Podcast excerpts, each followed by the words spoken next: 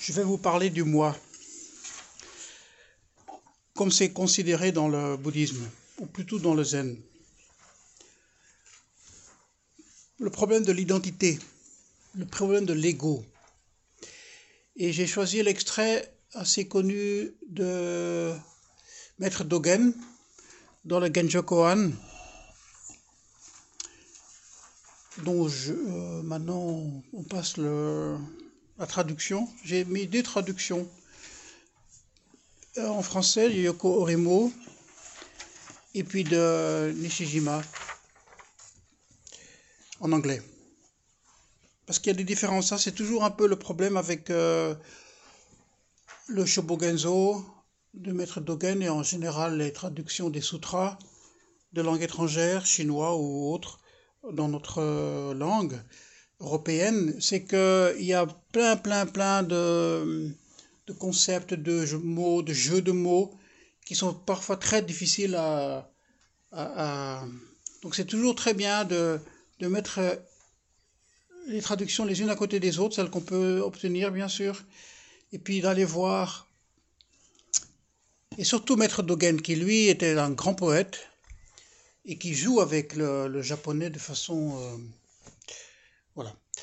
Alors, on va le lire ensemble. Enfin, je vais. Donc, euh, cette question de deux mois. Hein. Donc, apprendre la voie de l'éveillé. Donc, apprendre la voie de Bouddha. Donc, c'est vrai que Oyoko Orimo a traduit très littéralement. Mais bon, c'est intéressant de, de, de, de connaître euh, sa version, elle. Donc, apprendre la voie de Bouddha, c'est s'apprendre soi-même. S'apprendre soi-même, c'est s'oublier soi-même. S'oublier soi-même, c'est se laisser attester par les dix mille existants. Se laisser attester par les dix mille existants, c'est se laisser dépouiller de son corps et de son esprit. Elle traduit euh, très spécialement par cœur à chaque fois, Shin, par cœur. En fait, en, chinois, le, caractère Shin ou Jin, traduit, enfin, on peut le prononcer des deux façons, euh, est, aussi bien l'esprit que l'organe lui-même, le cœur, ce muscle. Donc c'est se laisser dépouiller de son corps et de son esprit, ainsi que du corps et de l'esprit de l'autre. Il y a trace de l'éveil qui demeure en repos. Et c'est de ce repos qu'on fait rejaillir au loin cette trace de l'éveil. Voilà, on peut peut-être le prendre en, anglais aussi. Je pense que la plupart de vous comprennent un peu l'anglais. To learn the Buddha's truth is to learn ourselves. To learn ourselves is to forget ourselves. To forget ourselves is to be experienced by the myriad dharmas. To be experienced by the myriad dharmas is to let our own body and mind and the body and mind of the external world fall away. There is a state in which the traces of realization are forgotten, and it manifests the traces of forgotten realization for a long, long time. Voilà. Donc c'est un passage connu. Je pense que vous l'avez déjà entendu. En tout cas, certainement les, deux ou trois premières phrases. C'est souvent repris dans les coussins, etc. cet oubli de soi-même. Alors, quelques remarques pour vous guider un petit peu dans tout ça. Euh, tout d'abord, il ne faut pas considérer ça comme une sorte de logique, étape par étape. Donc on fait l'étape première, hein, étudier la voie de Bouddha, c'est s'étudier soi-même. Ok, voilà, on fait ça. Puis après, s'étudier soi-même, c'est s'oublier soi-même. Donc c'est pas comme ça qu'il faut le, le considérer. En fait, les cinq, parce qu'il y a cinq phrases, expriment la même chose, mais chaque fois d'un autre, autre point de vue. Donc si on arrive à pénétrer et à être complètement euh, euh, imprégné de la sagesse d'une des phrases, en principe on devrait pouvoir comprendre les quatre autres. Donc, oubliez cette histoire d'étape. Euh, Donc ce, ce moi, hein, donc c'est de ça qu'il s'agit, hein, s'apprendre soi-même, s'étudier soi-même, devenir intime avec soi-même. C'est quelque chose euh, d'assez universel. Comme vous savez, euh, dans la Grèce antique, à Delphes, il y a un temple d'Apollo, ou Apollon, je crois qu'on dit en français Apollon. Et à l'entrée, c'est gravé dans le rocher Connais-toi toi-même. Voilà. Donc, c'est, c'est, pas, pas un thème typiquement bouddhiste. C'est vraiment euh, quelque chose qui est de l'ordre, vraiment, je pense, de, l'universel. Euh, ça revient à, savoir, mais qu'est-ce qu'on fait ici? Qu'est-ce qu'on fait? Quelle est notre place dans le monde On ne sait pas d'où on vient, on ne sait pas où on va, mais voilà, ici et maintenant, qu'est-ce que je viens faire là, dans la vie? On pourrait même dire qu'est-ce que je viens faire ici au dojo? C'est vraiment de ça euh, qu'il s'agit. Cette place ici, maintenant, moi, là, euh, quel est le sens profond de tout ça? D'ailleurs, cette histoire d'identité, euh, il y a un, psychologue assez connu flamand qui vient d'écrire, qui vient de publier un livre, Paul Verhagen qui, qui parle de ça justement, du problème de l'identité. Mais qui sommes-nous au fond? Et euh, il a intitulé son livre, c'est un petit livre pas très épais, je vous, le conseille, je vous le conseille de le lire, je ne sais pas si c'est déjà traduit en français. Ça s'appelle euh, Intime Vreemden. Donc en, en, français, ça voudrait dire des, les, les, euh, l'intimité des... Non, pas l'intimité les étrangers qui nous sont intimes, l'étranger qui nous est intime. Voilà, on, pourrait euh, le traduire comme ça. Parce qu'il dit littéralement quelque chose que d'une façon ou d'une autre, je pense tout le monde de nous, on ressent ça. Au fond, on ne peut pas se connaître soi-même. Et c'est intéressant qu'un quelqu'un, euh, psychologue, psychanalyste, enfin euh, assez, assez reconnu, vraiment, euh, on arrive à, dire ça. Parce qu'on aurait plutôt tendance à, croire le contraire. Quelqu'un de bien érudit, bah, il va nous expliquer maintenant comment, voilà, qui, sommes-nous, que faisons-nous ici, quel est le sens de toute cette vie, etc. etc. Et lui, il dit justement, euh, c'est pas possible de le savoir. On peut pas l'attraper. Donc il y a quelque chose d'assez bouddhiste euh, là-dedans, euh, dans, sa démarche, alors que lui n'est pas du tout euh, pratiquant du bouddhisme et qu'il a, je pense, quand même beaucoup de sympathie. Et donc, c'est pas possible de vraiment, quand on veut vraiment aller au fond des choses, on peut, on peut, on peut pas vraiment agripper cet ego. On peut pas dire voilà, de là à là, ça c'est moi. Parce qu'il y a toujours, d'abord, ça change continuellement. Hein, la loi de l'impermanence fait que les choses changent. Donc, ce qui est vraiment non ne l'est plus dans dans quelques instants déjà. ce matin, dans le coussin, je disais l'esprit nu d'instant en instant. Ça, change continuellement, c'est fluide. Et puis, on ne peut pas déterminer, on ne peut pas se dire, voilà, ça commence là et ça se termine là. Pas seulement la personnalité, parce que connaître toi-même, ce n'est pas un problème de caractère caractère, c'est quelque chose d'assez superficiel. On a certaines capacités, on a certaines traits euh, de caractéristiques. Voilà, on est un peu ci, on est un peu ça, on est joyeux, on est plutôt mélancolique, on est voilà tout tout tout, tout le euh, le connaître toi-même, c'est vraiment au niveau ontologique, c'est vraiment au niveau de l'être. Mais qu'est-ce que c'est que ce moi? Ah, je ne sais pas si vous vous êtes déjà posé cette question, mais euh, c'est bien de se poser cette question. Et dans le zen, on a très souvent la tendance à dire c'est pas important. Le moi, il faut l'oublier. Justement, ben c'est ça le problème. Hein, on va en arriver dans cette deuxième phrase. Il faut, c'est ton problème d'ego. Hein, on, on, entend ça souvent. Hein, euh, oui, mais toi, euh, c'est ton ego qui, fait obstacle à, la pratique, à, ci et à ça. Donc on a, on a une, cette, tendance à le dénigrer, l'ego. Alors que je pense que c'est plutôt... euh, enfin, le Dogen, Dogen, il le marque dans la toute première phrase, étudier la voix de Bouddha, c'est s'étudier soi-même. Donc il y a quand même quelque chose de profond là-dedans.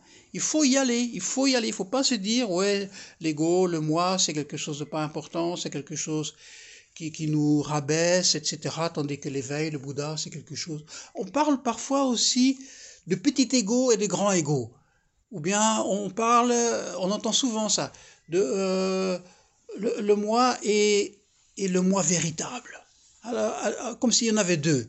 Il y, a, il y a un moi superficiel et puis il y, aurait le moi profond, euh, plein de valeurs, bien, bien, bien riche, bien... Voilà. Mais non, non, non, non, il n'y a, y a, y a pas tout ça. Ce sont des façons de parler qui expriment autre chose. Et c'est c'est justement cette autre chose qu'il faut essayer de détecter. Euh,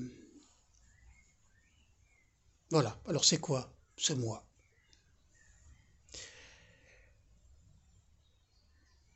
Ben oui.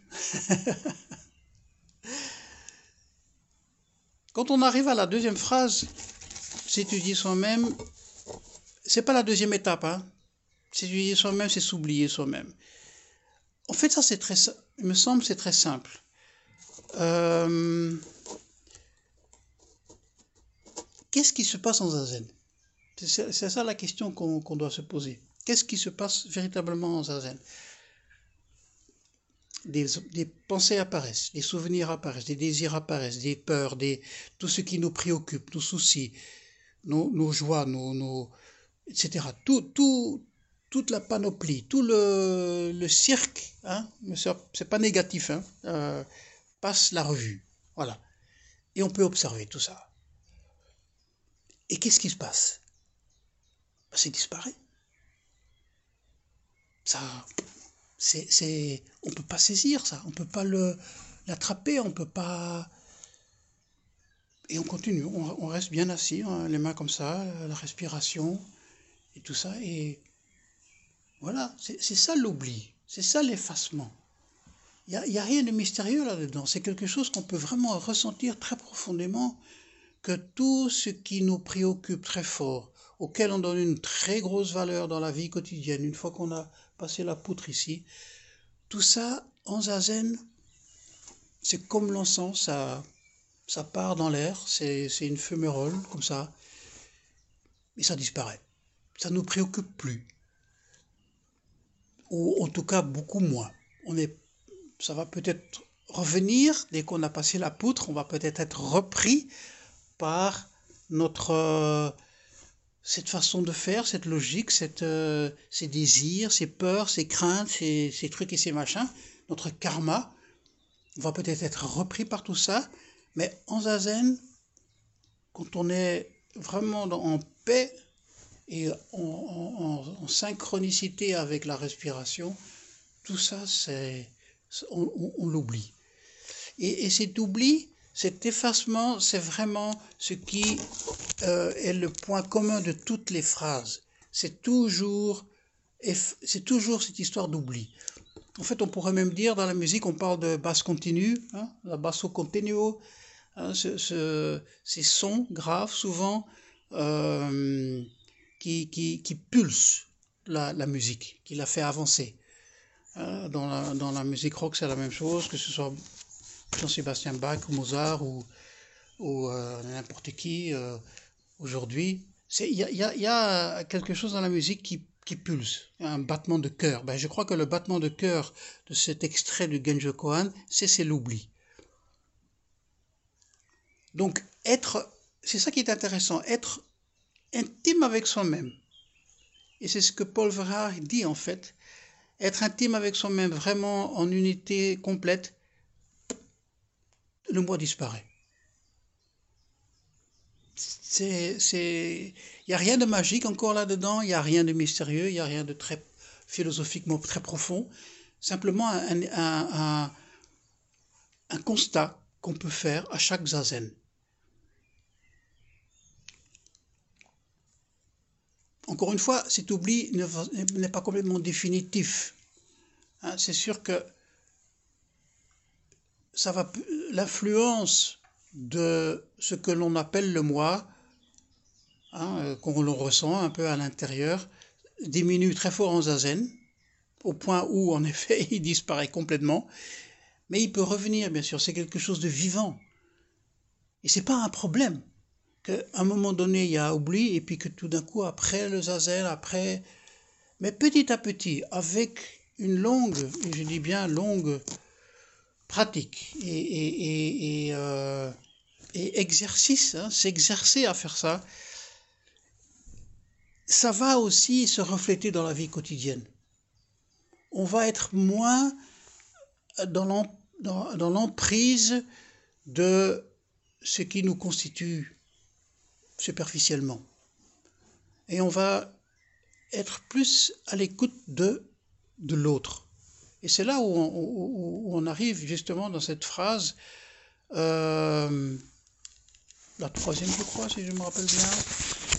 S'oublier soi-même, c'est se laisser attester par les dix mille existants, les dix mille phénomènes, ça veut dire ça. Les dix mille phénomènes, ça veut dire tout, tout le, le, le, le monde extérieur.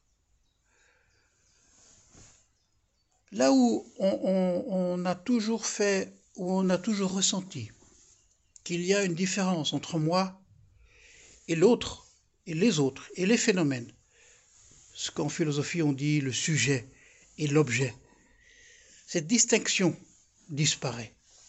Et il y a un effet miroir que vous avez certainement déjà ressenti, euh, qui va s'installer, c'est que on se reconnaît dans des phénomènes extérieurs. On se reconnaît dans l'autre. Les neurologues aujourd'hui parlent de ça, les, neurones miroirs. Hein, et apparemment, quand l'état émotionnel de quelqu'un qui est en face de nous, on, inconsciemment, on le reflète dans nos propres, dans nos propres cerveaux. On peut ressentir la joie de l'autre, on peut ressentir la douleur de l'autre, on peut ressentir ce qui se passe en lui. Et c'est ça, c'est être attesté par les dix mille phénomènes. Et pour ça, il y a, en effet ce, cet oubli. Qui est tout ça se passe en même temps. Donc, encore une fois, ce n'est pas des étapes les unes après les autres, c'est simultané. Étudier la voie de Bouddha, c'est s'étudier soi-même. S'étudier soi-même, c'est s'oublier soi-même. S'oublier soi-même, c'est être révélé, être éveillé par les autres.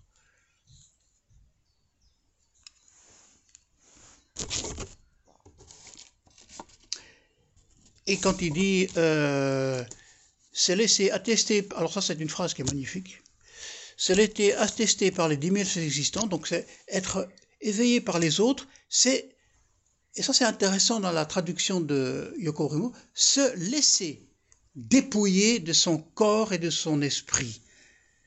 Donc il y a déjà, on n'est plus actif là, on est dans un rôle passif. Ah, il y a quelque chose qui fait que c'est pas à nous de faire ce travail. Ça se fait naturellement. Alors qu'est-ce que c'est que ce dépouillement? Moi, pendant des années, je me suis dit, mais qu'est-ce que ça veut dire? Ah, Roland, il m'avait calligraphié ça sur mon rakusu euh, une première fois. Euh, Shinjin Datsuraku. Se dépouiller du corps et de l'esprit. Je dis, merde, qu'est-ce que ça veut dire? Comment, comment on fait? Hein, Concrètement, le corps, l'esprit, Hein, ça à moi, quand même. Comment le laisser tomber? Comment le, rejeter? Il y a comme ça plein de verbes qui, ont été utilisés. En fait, c'est la même chose que cet oubli. Et c'est la même chose que le l'être être éveillé par les autres. Tout ça, ça veut dire la même chose. Et ce, dépouillement du corps et de l'esprit, ce qu'on ressent comme étant le plus intime, nous-mêmes, notre corps, nos organes, euh, nos tripes, tout, ça, hein, euh, le sang qui coule, etc., etc., dans les veines, voilà. Et notre esprit, notre esprit qu'on se dit être vraiment la couronne de l'évolution, le truc le plus sublime de toute... Euh, la création euh, universelle. Voilà, ben tout ça, il faut laisser passer, laisser passer, laisser, laisser, effacer tout ça. Parce que justement, on nous sommes complètement en unité avec tout l'univers. Il n'y a pas un moi qui est séparé. Donc c'est ça le, la grande leçon de Maître Dogen, c'est qu'il y a, y a notre moi, il y a un moi, mais il n'est pas séparé du reste. C'est ça la, grande, la, bonne, la bonne nouvelle de ce, de, de, ce passage. Et là où on se sentirait parfois en solitude, un peu ou rejeté, ou euh, voilà, tous, tous ces états d'âme qu'on peut avoir parfois, ne paniquez pas. Tout ça, c'est un peu, comment dirais-je, ce sont des états d'âme, en effet. C'est des émotions qui peuvent arriver, mais qui sont très superficielles et qui peuvent très, très, très vite passer, très vite, euh, comme la fumée là, de, l'encens, se dissoudre dans l'atmosphère. Alors c'est intéressant dans la traduction de Nishijima qu'il dit euh, le, dans la phrase, donc parce que c'est ah oui, parce que ce n'est pas seulement son propre corps et son propre esprit, mais c'est aussi le corps et l'esprit de l'autre. Encore une fois, il y a ce jeu de, miroir, bien sûr, qui joue un rôle.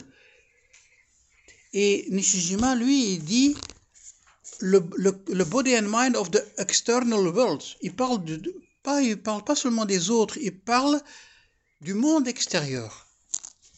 Et donc, ça montre très bien que la, différence qu'il y a entre soi et, l'extérieur, le monde extérieur, les phénomènes extérieurs, ça disparaît.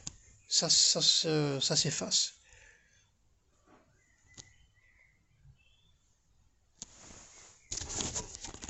Ce qui est intéressant à savoir aussi, c'est que ce paragraphe parce que le Genshokuan, c'est assez long comme texte.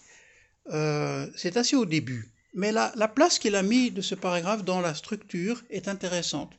Il y a d'abord quatre paragraphes qui parlent de la façon dont on perçoit les, êtres éveillés et les êtres ordinaires. Et il joue avec ça. On ne va pas parler de ça pour l'instant, mais c'est notre perception des choses. Voilà.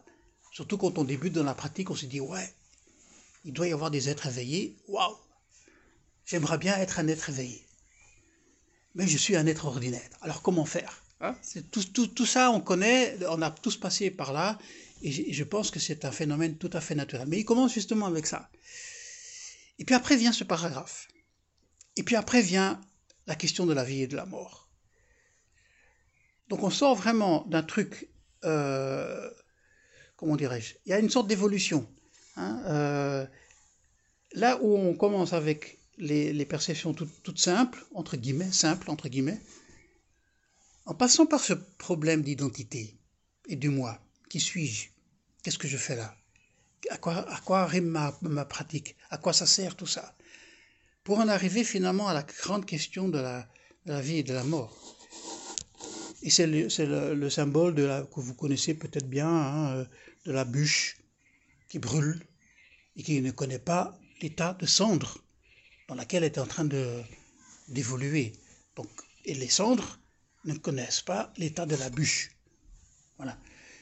Et euh, bon, encore une fois, on ne va pas analyser ces passages-là, mais c'est, là où il, il, englobe vraiment le tout, où tu ressens que dans, dans, dans les textes de Maître Dogen, il y a une vision, mais vraiment euh, très large des choses, très... Euh,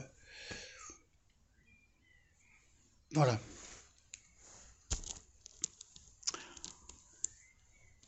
laisser attesté par les dix mille existants.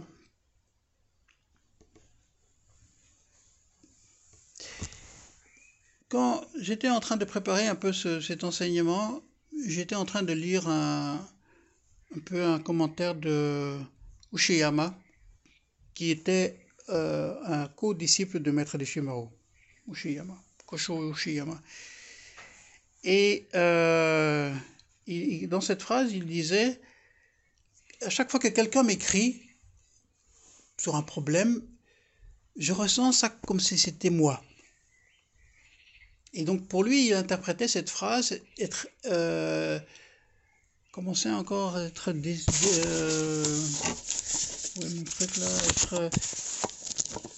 Être, attesté par les dix mille existants donc lui, il, considérait son ego qui, c'est pas seulement lui, mais c'est aussi les autres. C'est aussi. Euh, et c'est à ce moment-là que le message de Jean-François nous m'est tombé dessus. Rosie va venir au dojo. Elle a un gros problème d'asthme. Et donc, euh, elle souhaite qu'il n'y ait pas d'encens. Et puis, du coup, je me suis dit, mais en fait, c'est ça. Le problème, pas problème, mais ce que Rosie nous apporte, c'est dommage qu'elle n'est plus là, euh, avec son, son asthme et ne pas pouvoir supporter l'encens qu'on brûle, ça devient mon problème à moi. Ça devient mon truc aussi. Et être en résonance avec ça est important. Et, ça, ça, se, ça, se, fait continuellement, mais on n'est pas conscient de ça. On n'est pas du tout euh, dans cette logique, on est plutôt à toujours se dire moi, moi, moi. Oui, mais moi, euh, moi, le dojo, les règles, le truc, le machin, c'est. Euh, voilà. Alors, c'est sûr que euh, il faut de la sagesse pour, euh, pour bien ressentir cette histoire et comment réagir par rapport à ça. Parce qu'on pourrait se dire, mais est-ce que est-ce qu'il faut chaque fois que je suis en contact avec quelqu'un que je m'oublie moi que je m'efface, que je, et que je devienne l'autre, et que je ressens son problème, et que, et que je, voilà, que je fais abstraction de, de, de, mes problèmes, de mes émotions, de mes... C'est pas ça que Maître Dogen dit. Mais on, on, on, pourrait avoir cette tendance à interpréter ce passage de cette façon-là. Alors que non, c'est simplement la relation que l'un avec l'autre fait que, en effet, c'est pas qui nous on doit chaque fois s'effacer par rapport à ça, avec l'histoire de l'encens, on me s'est dit, bon, ben, on fait autre chose. On, fait, euh, on a fait une fleur. Puis finalement, c'était un beau geste.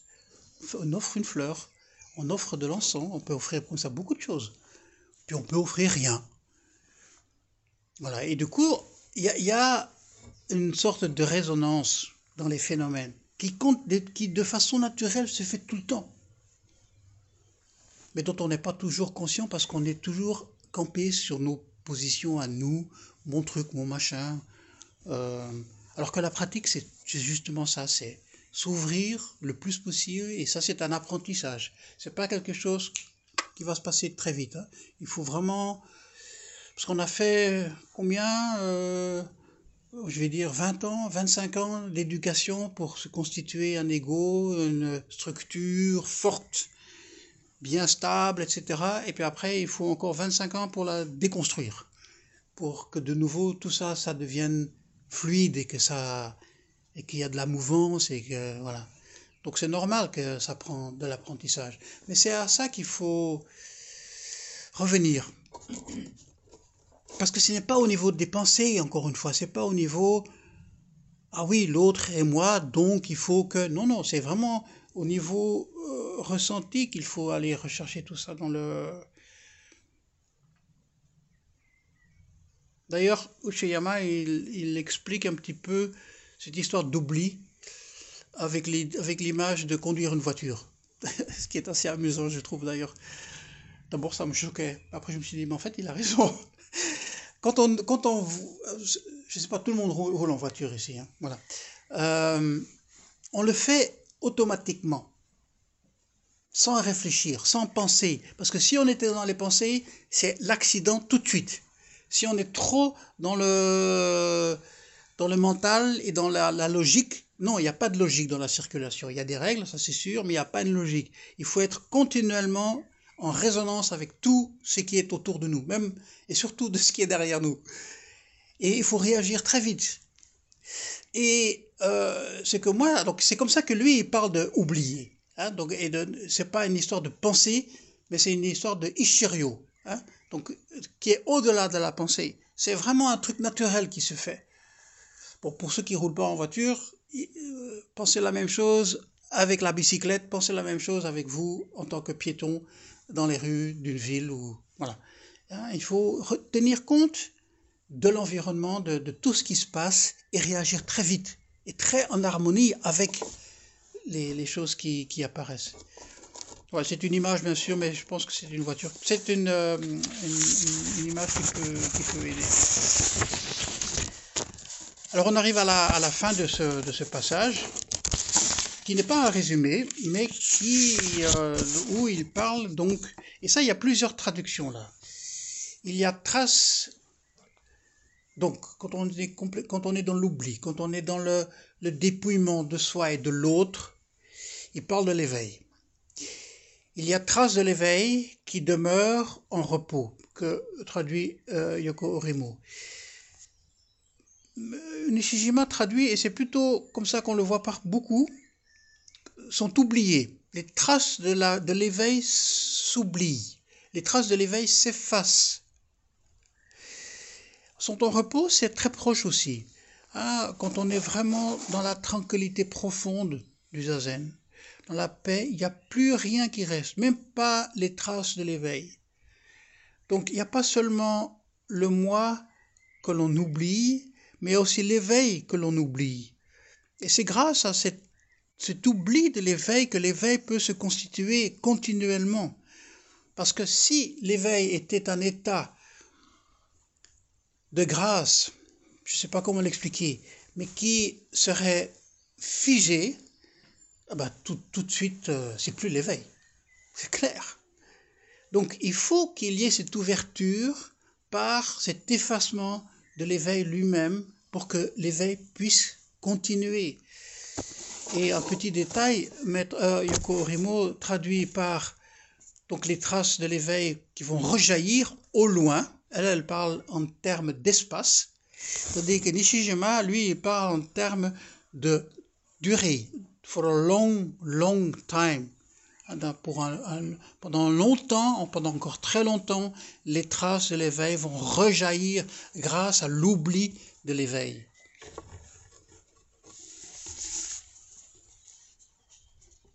Voilà. Donc pour résumer, en fait les choses sont très simples, comme souvent. Euh, je pense qu'il faut en effet vraiment très profondément euh, toujours mettre ça en relation avec notre pratique du zazen. Ça veut dire que bien observer ce qui se passe pendant et après le zazen par rapport à sa place vis-à-vis des autres dans le dojo, mais aussi après, quand on a passé la poutre dans la société, la vie, la, vie de famille, le couple, euh, les enfants, les petits-enfants, euh, voilà. Et ressentir cette place à partir de ça. Et de voir comment ça fonctionne, comment cette relation s'installe, comment cette interdépendance fonctionne. Et vous allez voir, c'est toujours par cette histoire d'oubli. Et d'être reconnu par l'autre et d'être attesté par les autres et par les phénomènes. C'est pas, pas tout le temps euh, des, une personne, ça peut être un animal qui nous remet à notre place. Ça peut être même un objet qui nous remet à notre place et qui nous fait éveiller. Il y, a, cette fameuse, j'ai oublié le nom maintenant, de ce moine qui était en train de balayer la cour, et puis il y a un caillou qui frappe un bambou, il, le balaye, et puis toc. Et c'est ce toc, ce son, hop, pour lui qu'il a complètement tous ces doutes ont disparu. Donc voilà, c'est ça, c'est être attesté par le son de ce caillou. Maintenant, il ne faut pas essayer de, de, de, mimer ça et de, quand vous êtes dans votre jardin, d'essayer en, en lançant un caillou pour voir l'effet que ça va vous faire. C'est un truc qui va se faire. Voilà, l'éveil est toujours dans la rue, pas seulement sur les affous, il est toujours dans la rue, derrière le coin, le prochain coin, c'est là que ça va se passer. Et laissez-vous surprendre, laissez-vous prendre par les, par les phénomènes.